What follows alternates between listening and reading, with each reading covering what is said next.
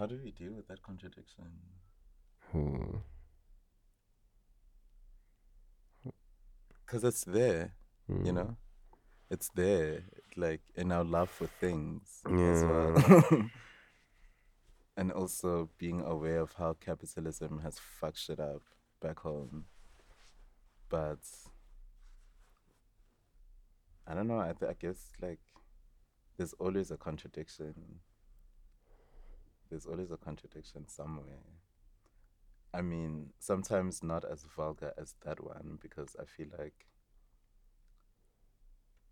I can understand how that association must have been like, wait, what, what's actually happening here to for for that big house? Because at the beginning, like it was, it was quite a an amazing story, especially in South Africa. You know, it was an amazing story. A lot of people didn't think that two black queer artists would be chosen by such a huge symbol of power, of creative power, you know, to to be somewhere in there, you know, somewhere in that world with our music there and us sitting in the front row and us posing next to her. I guess a lot of people didn't see us in that world, but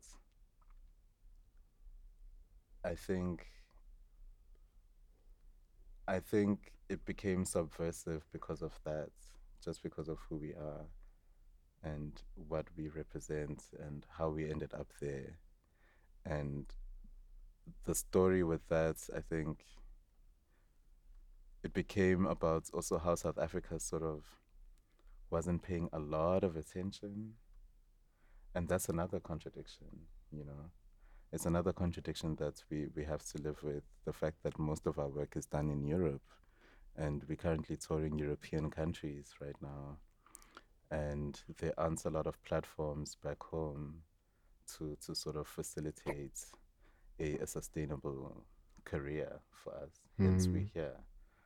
It's just, I don't know. I think I think for, for Fela and myself, it's always about finding new ways to scam the system. I don't think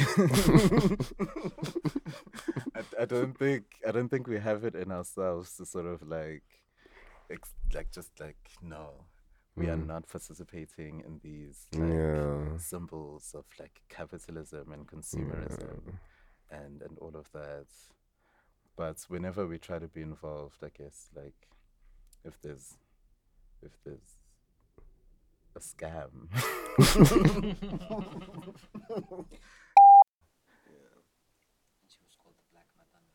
well she she read that she's like no madonna is the white brenda Fassie.